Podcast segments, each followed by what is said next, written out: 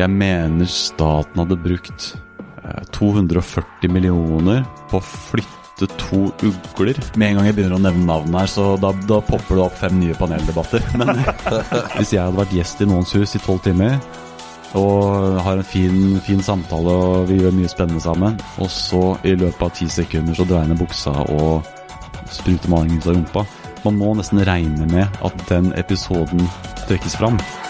Her er Stavrum og Eikeland, en podkast fra Nettavisen. Velkommen, Are Søberg, bedre kjent som Sløseriombudsmannen, og kanskje Kultur-Norges mest forhatte mann. Men la oss begynne et annet sted. Hvorfor tror du at det ikke finnes en offentlig sløseriombudsmann? Ja, det, det har jeg ikke tenkt over, men uh, det, det vil jo være en, en person som da ja, vil, staten virkelig eh, lønne en som er ansatt for å kritisere de selv? Eh, Det, det, det vet jeg ikke, men eh, kanskje det burde være det. Vi har jo, vi har jo ombudsmenn på mange andre- felt, så det, det er egentlig noe seriøsitet i det spørsmålet. For nå, nå, eh, selv hvis du er glad i offentlig sektor, så tenker jeg hvis ikke du passer på at ikke penger sløses bort, så underminerer du jo offentlig sektor. Så vi, vi, hadde ikke du funnet på deg sjøl, så burde vi kanskje funnet på deg. Ja, ja, jeg er enig i det. Eh, Det har jo alltid vært et mål om å ikke bare være til for de som vil redusere staten. Eh, Jeg prøver å finne saker som kan være interessante også for folk som har et mål om å eh, ha en trygg og fin velferdsstat. Skal man ha det, så må man, eh, må man gjøre noe med sløsingen. Hvis du har et mål om å kutte og gjøre oss uavhengig av oljeinntektene, så bør vi gjøre noe med sløsingen. Eller hvis vi har mål om å redusere skattene, så bør man eh, redusere sløsingen. Men, ak Så- ja. Men akkurat det du sier der, er jo, er, er superviktig. Eh, Jeg, hadde, jeg snakket med Jens Stoltenberg da han var statsminister, rett før han gikk av. Og han er jo for en sterk og god offentlig sektor. Men han vet at skal den vare lenge, så er den nødt til å være effektiv. Så, så eh, Derfor lurer jeg på, har du blitt kontakta av politikere som vil vite mer om mye av det syke som du har funnet? Ja, så langt så er det jo eh, Det har jo i størst grad vært en Frp-greie. Så har appellert mest til de som har den skatteinngangsvinkelen. Eh, men jeg syns det er litt synd at det bare, bare er blitt sånn. Eh, det, er, det er noen av de andre ungdomspartiene som, har, som jeg har snakka en del med. eh, egentlig over hele spekteret. Men eh, det, er, det er noe som skjer i overgangen fra ungdomspartier til eh, voksenpartier som gjør at eh, ikke, jeg føler ikke mitt budskap har appellert så veldig til, uh, ja, til venstresida så langt. Selv om jeg har prøvd å trykke litt på knappene til Miljøpartiet for å prøve å, eh, prøve å gjøre eh, ja, få de til å gjøre en jobb med å gjøre oss uavhengig av, eh, av de oljepengene. Hva er det som driver deg til å, jobbe med dette? Det, det, folk fortegner deg jo når de beskriver deg. Eh, Sånn som jeg leser deg, så er du på en måte genuint opptatt av å finne eksempler på offentlig sløsing på mange sektorer. Men hvorfor orker du å bruke tid på det? Ja, det er, det er et bra spørsmål. Det lurer jeg på sjøl noen ganger. Nei, Sannheten er vel at jeg har kanskje ikke brukt så enormt mye tid på det. Det er jo stort sett at jeg videreformidler artikler som eh, journalister har brukt tid, sin tid på å skrive. Eh, det er jo ja, i hvert fall ni av ti eh, saker som jeg poster. Så dere journalister har jo gjort eh, jobben allerede. Mens jeg surfer videre på den gode jobben som gjøres. Men det starta vel mest som et litt sånn moroprosjekt. Sånn humorprosjekt. Om at ja, ja, vi får kanskje ikke gjort noe med sløsingen, men la oss i hvert fall ha galgenhumoren. Det må vi få lov å ha. så det var, det var sånn det kom i gang. Og så har det på en måte etter hvert glidd over og bli et ja, litt mer seriøst prosjekt. Ja, for du starta i 2000 og, Eh, 2014. og hvor mange følgere har du nå? Ja, nå er vi straks på 70 000. Det er som en snart topp ti eh, mediebedrift i Norge, er det ikke? ikke langt unna, i hvert fall. I hvert fall større enn pressestøttebedriftene. Ja, det er mer engasjement her med enn mange sånne mellomstore aviser. så- Apropos sløseri. Ja, ja, ja. Jeg har, eh, eh, jeg, jeg har nevnt det et par ganger. Sånn sjikte, liksom Klassekampen, Morgenbladet, sånne ting. Du ble, jo, du ble jo nylig tildelt en hel utgave nesten av Morgenbladet, hvor eh, det var homo og kanari. Men du blir framstilt som en, nærmest en milliardær fra Bærum. Men hadde folk sett deg i dag, så, så framstår du ikke som en milliardær fra Bærum. Hvem er du egentlig? Ja, Det kan hende jeg har vært og kjøpt meg folkelige klær nå. Lagt, lagt igjen eh, hedgefondflosshatten hjemme bare for det. Men eh, Egentlig er det kompis med Peter Stordalen. eh. ja, riktig. Ja, det, blir gjort et veldig stort poeng at jeg, at jeg bodde i Bærum. Jeg syns først det var litt, litt rart. Liksom Blir man diskvalifisert av den grunn? Og så attpåtil Jeg bor jo heller ikke i Bærum. Jeg bor i du liksom Hold deg fast. Elverum. Wow! Lyser glamour ut av Er det, det er mot svenskegrensen? Nei, hvor er det? Nei. Eh, mens da Nå skal ikke jeg liksom bruke tid på personangrep tilbake, men skribenten sitt eh, enkel, enkeltmannsforetak var jo registrert på en veldig fin postnummer på Frogner, så ja. Ok, Ja, såpass. for du, er, du, du bor eh, på Elverum, som eh, Ole Paus sier at Elverum er et høl bortom Hamar et sted. Ja, stemmer. Og likevel har vi, vi har vært så sjenerøse. Han har fått, nettopp fått sin egen gate i Elverum. Så han er blitt tilgitt. Uh, nei, nei, men, Hva lever du av? Uh, jeg har jo jobba som uh, Vært med på team som har for, forvalta aksjefond. Eh, inntil nylig så gjorde jeg det. Jobba noen år med det. Og så har jeg, jeg har sagt opp den jobben, så nå er jeg litt sånn Ja, vet ikke helt hva jeg skal gjøre når jeg blir stor. Litt sabbatsår, hvor jeg har fått uh, gått mye på ski. Og uh, ja, litt mer tid til å holde på med den Facebook-siden. Tar du det Altså, Det er jo bare, bare noen dager siden eh, Kulturrådet, det statlig finansierte Kulturrådet, bruker en hel dag hvor kunstnere står i kø for å snakke negativt om deg og Sløseriombudsmannen. Tar du deg nær av det? Ja, det er, det er jo veldig spesielt at et statlig organ setter av seks timer til å snakke om eh, meg. Det er klart det, men, eh, men jeg, har blitt, jeg har blitt vant til det, og ja Det var, det var liksom en pliktreise å gidde å følge med på hele, hele programmet der. Eh, ja. Det, det så klart må jo ta meg, ta meg litt nær av det, men når kritikken er så grunn som jeg føler den er, så ja, så føler jeg klarer meg, klarer meg bra. Men hva er det sykeste du har, uh, har sett av sløseriet? Jeg, det er veldig vanskelig å sammenligne, sammenligne forskjellige ting. Uh, det der kunstgreiene, det er, de har rett i at det er ikke der de store pengene ligger. Men der er det veldig lett å uh, Det er mer in your face. Du, du får servert hva som skjer veldig visuelt. Så det skaper veldig sterkt inntrykk eh, hos folk.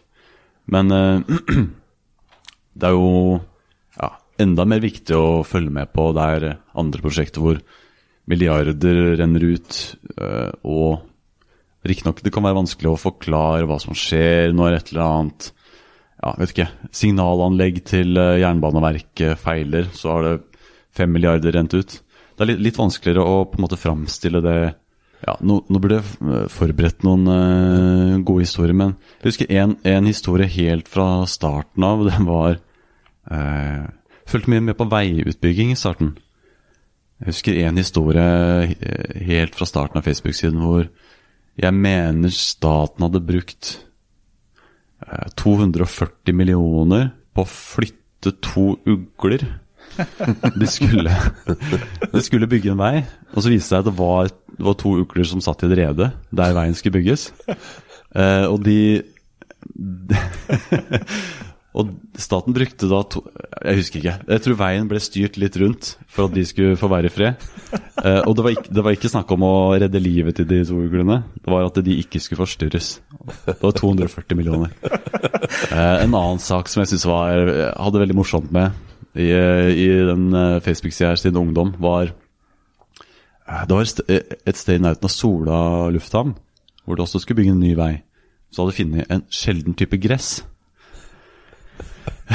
Og det gresset her måtte jo da eh, bevares, det måtte reddes, det måtte flyttes. Innen de hadde rekt å starte prosessen med å grave opp gresset, så var gresset dødt. Så de måtte så det på nytt. Altså, og så fikk de flytta det til slutt. Men de flytta det dessverre litt for nært stranda. Så fant de ut at hvis det var springflo, så var det fare for at bølgene kunne slå inn der gresset hadde blitt sådd. Og saltet ville jo da ødelegge gresset.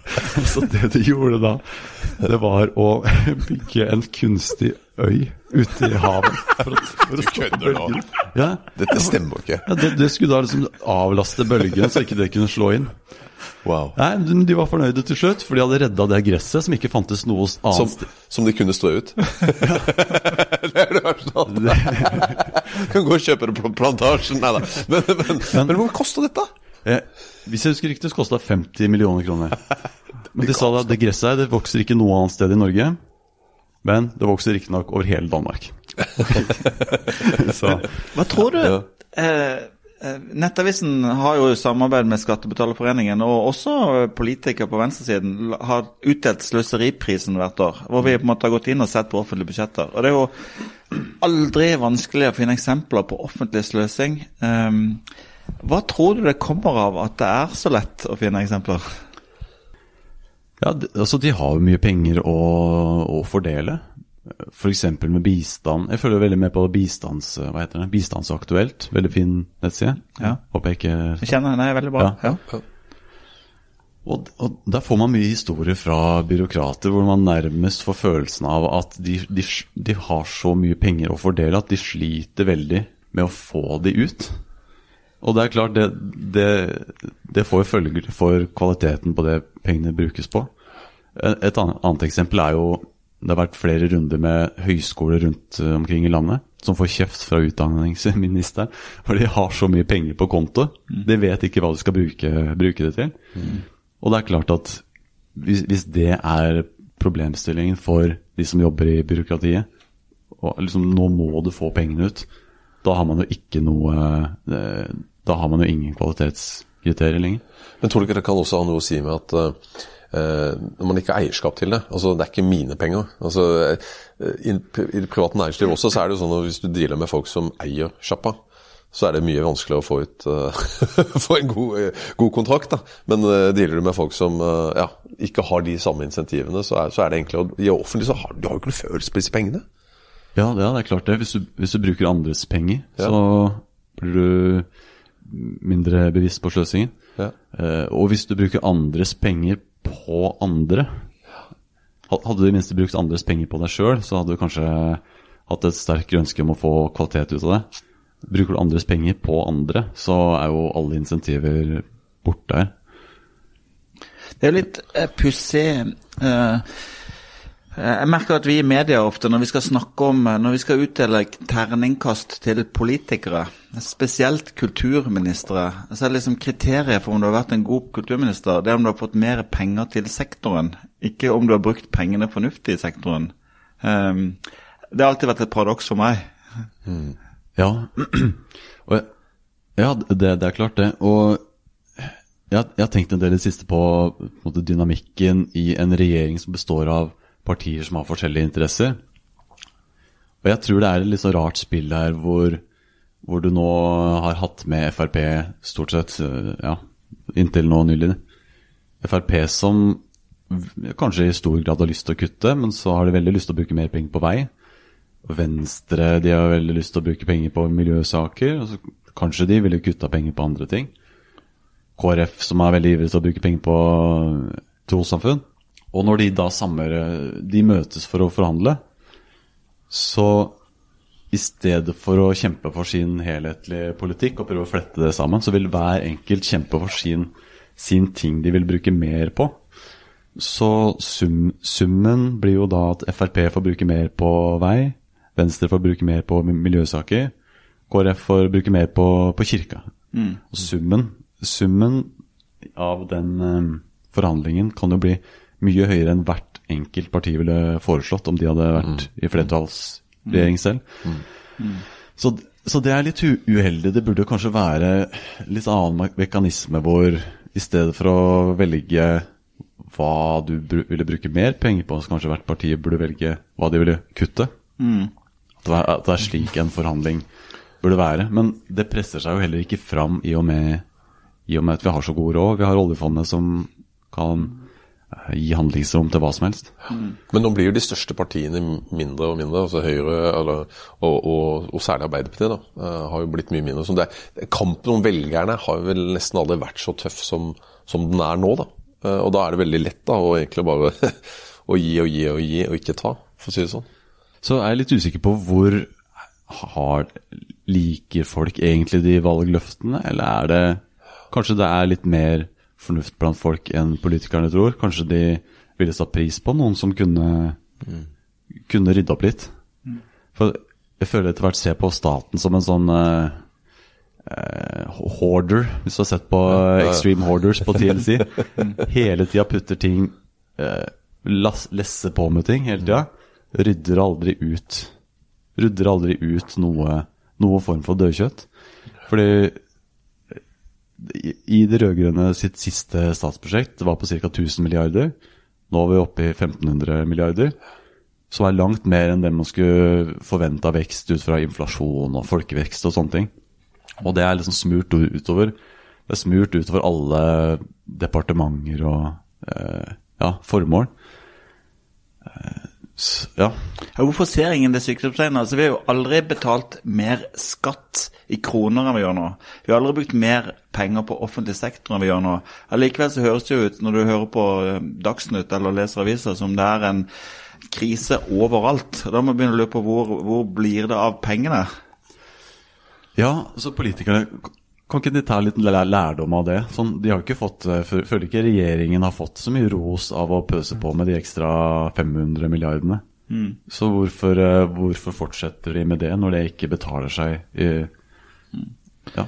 Jeg mener, at det, jeg mener at det er et funn i statsvitenskapen at det er mye vanskelig Altså Hvis det er en sak som står mellom store ulemper for noen små opp mot veldig store eller mm, fordeler for veldig mange, så er det mye lettere å kjempe mot de, de harde ulempene for noen, noen, noen få. For da har du på en måte en interessegruppe som går all in. Mens det, vi alle ville tjent kanskje på eh, 1 mindre sløsing i offentlig sektor, men det, det er umulig å få en folkebevegelse som står bak det kravet. Ja, det her er vel eh, på en måte public choice theory, som eh, ble en nobelpris i økonomi. James Buchanan. Og det, det tror jeg veldig på. Eh, du, kan, du, kan ta, du kan ta en tier for å være nordmann. Da ender du opp med 50 millioner. Og om 20 millioner forsvinner på veien, så gir de resterende 30 til en liten gruppe. Så vil jo det kjempe med nebb og klør for å bevare det.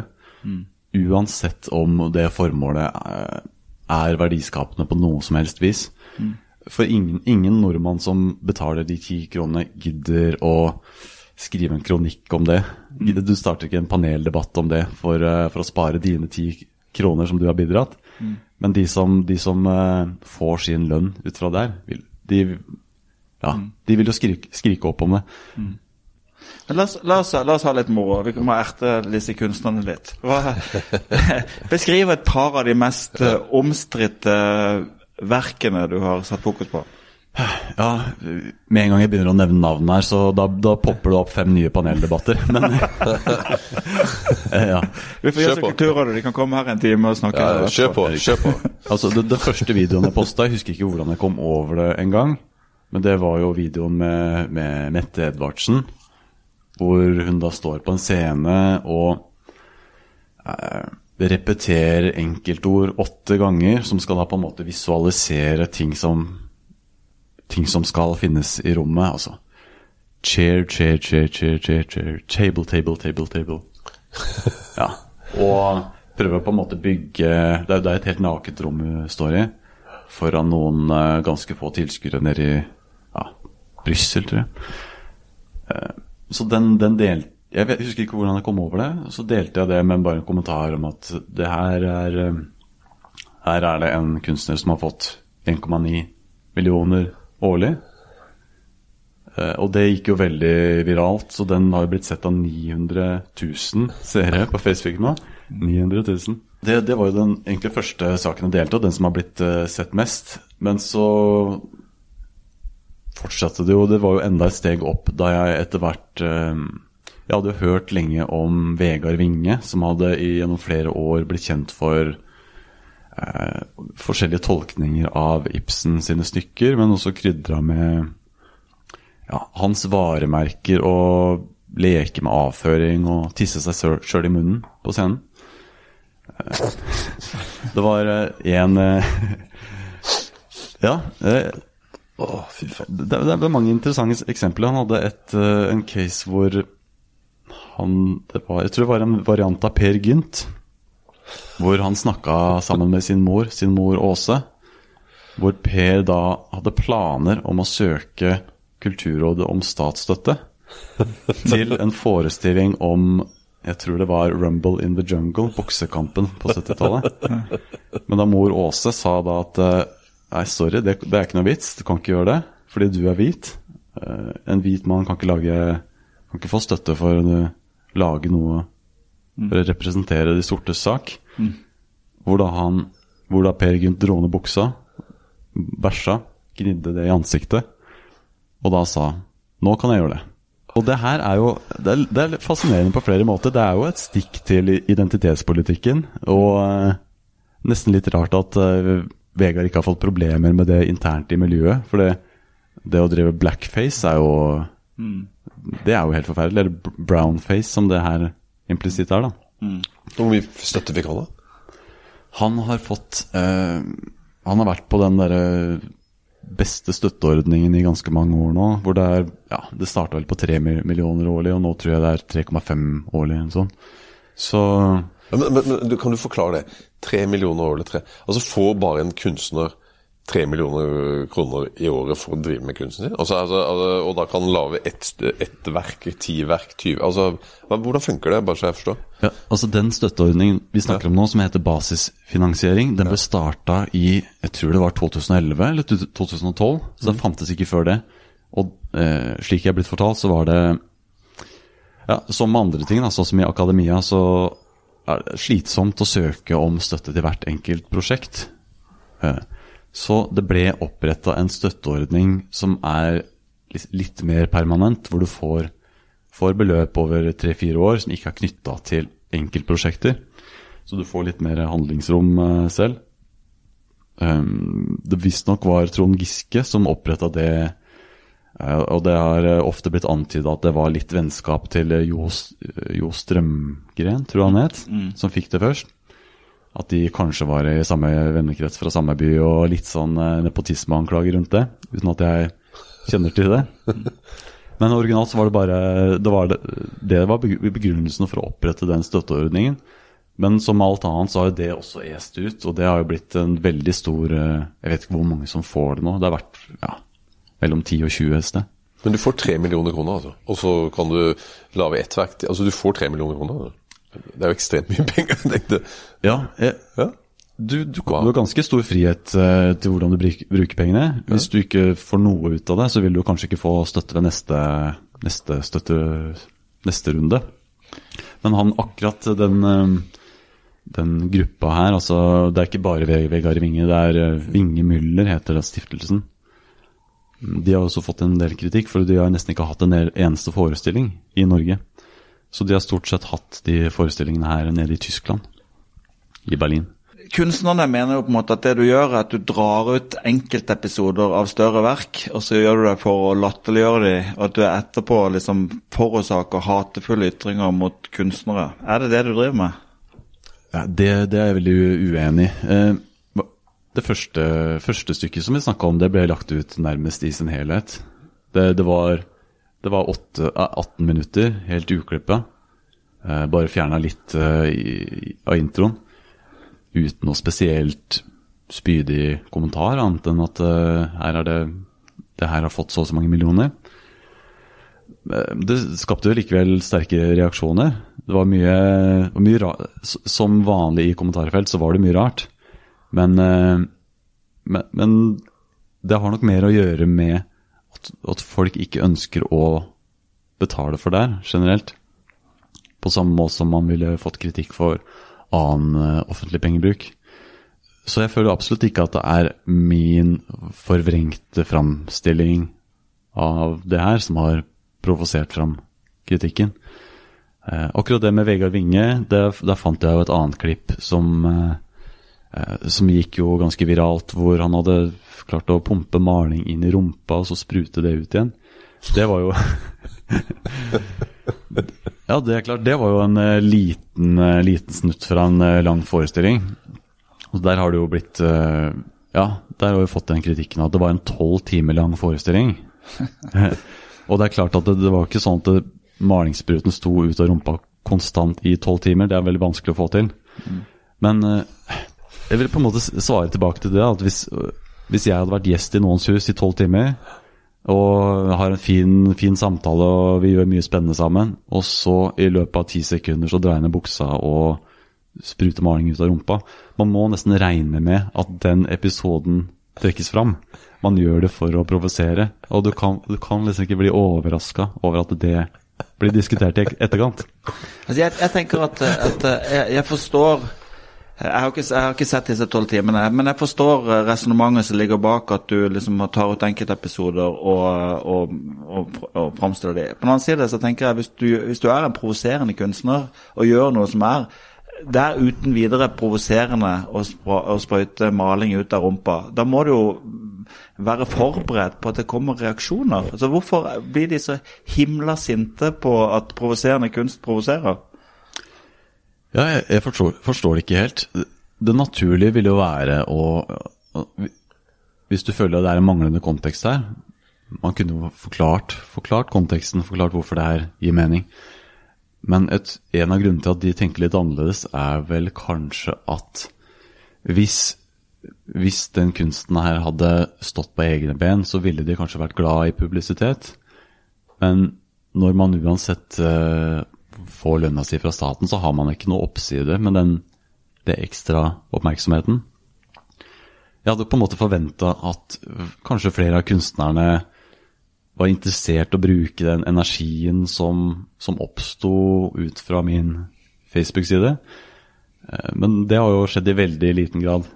Eneste er jo da Morten Tråvik, som jeg har kommet i kontakt med, som skjønte at det var en slags energi her som han kunne også ha det moro med. Så vi har jo hatt eh, kontakt etter hvert, og planen var at jeg skulle bidra på en eller annen måte under Sløserikommisjonen, som originalt skulle være under Festspillene i Bergen i fjor. Det ble jo korona-utsatt, og da ikke tatt inn på programmet igjen eh, for 2021. Av litt sånne vikarierende grunner som antagelig hadde å gjøre med at, eh, at Festspillene har blitt satt under, under veldig stort press fra andre kunstnere. La meg spørre deg rett ut. eh, Er du imot all offentlig støtte til kunst? Ja, det, det er litt vanskelig spørsmål. I mitt, i mitt hode så så syns jeg ikke at vi burde ha en statlig organ som, som prøver å dra Jeg syns ikke staten burde prøve å styre kulturen vår. Men eh, det er jo gradsforskjeller her. eh, Så det er jo andre, andre kunstformer som, eh, som jeg har valgt å ikke fokusere på i hele tatt. Kan det være at ting vi i dag opplever som ekstremt provoserende, om eh, 50 år regnes som stor kunst? Vi har jo sett historiske eksempler på det. At veldig provoserende kunst senere på en måte har blitt ikoniske verk. At det er ikke sikkert at du er en god kunstkritiker. Ja, det kan hende det. Men eh, jeg vet ikke om Det er alltid vanskelig å plukke, plukke vinnere sånn over lang, lang sikt. Men så vet jeg ikke om staten er eh, bedre til å gjøre det enn enn et privat eh, initiativ ville være det. Og det er jo dessuten sånn med alle mulige andre ting som pengene kunne vært brukt på. Du kunne alltid hatt positive, uforutsette virkninger av all pengebruk. Men eh, ja, det, det, er bare, det er ikke bare i kunstverden det, det er tilfellet. Hvis, hvis folk hadde fått beholde pengene sine selv, kunne de jo brukt det på masse interessante ting. Andre arbeidsplasser kunne vært skapt. De kunne brukt det på frivillig kunstarrangement. Så det eh, Det med at det kan oppstå positive, uforutsette ringvirkninger, det, det er ikke noe som er spesielt for kunstverden. Men altså, jeg håper jo Gunnar, at uh, bæsj i ansiktet og maling ut av rumpa fortsatt altså, er provoserende om 50 år. også. Er, eller i hvert fall tabu. Men, men, men hva slags kunst liker du? ja, og da Nei, det, det Jeg vet ikke om vi skal gå inn på det. Det er ikke noe eh, jeg er liksom ikke her for å være noen sånn kunstkritiker. Jeg har fått kritikk for at ja, min kunstkritikk er veldig grunn. Men jeg er ikke her for egentlig å snakke om det. Jeg er her for å snakke om pengebruken på, på kunsten. Eh, Ja. Den motbøren du har fått fra kunstnere, har det avskrekka deg fra å lete etter nye eksempler på offentlig pengebruk på kunst? Så nå er det for så vidt lenge siden jeg har gjort det her i det hele tatt. De fleste videoene som, som de er sinte for nå, ble jo lagt ut i ja, 2017 til 2019. Eh, Så det er jo klart at eh, Kan du si det setter litt høyere terskel for å omtale det greiene her, når du vet at du starter noe bråk. Men så samtidig så skjønner jeg jo etter hvert nå at det får jo ikke fred fra det her miljøet uansett. Som jeg Nå har det vært ganske stille fra meg rundt, rundt det her. Så nå tenker jeg det kan jo like godt fortsette. For det, bråk blir det uansett. Du fikk Stavrum og Eikeland, en podkast fra Nettavisen.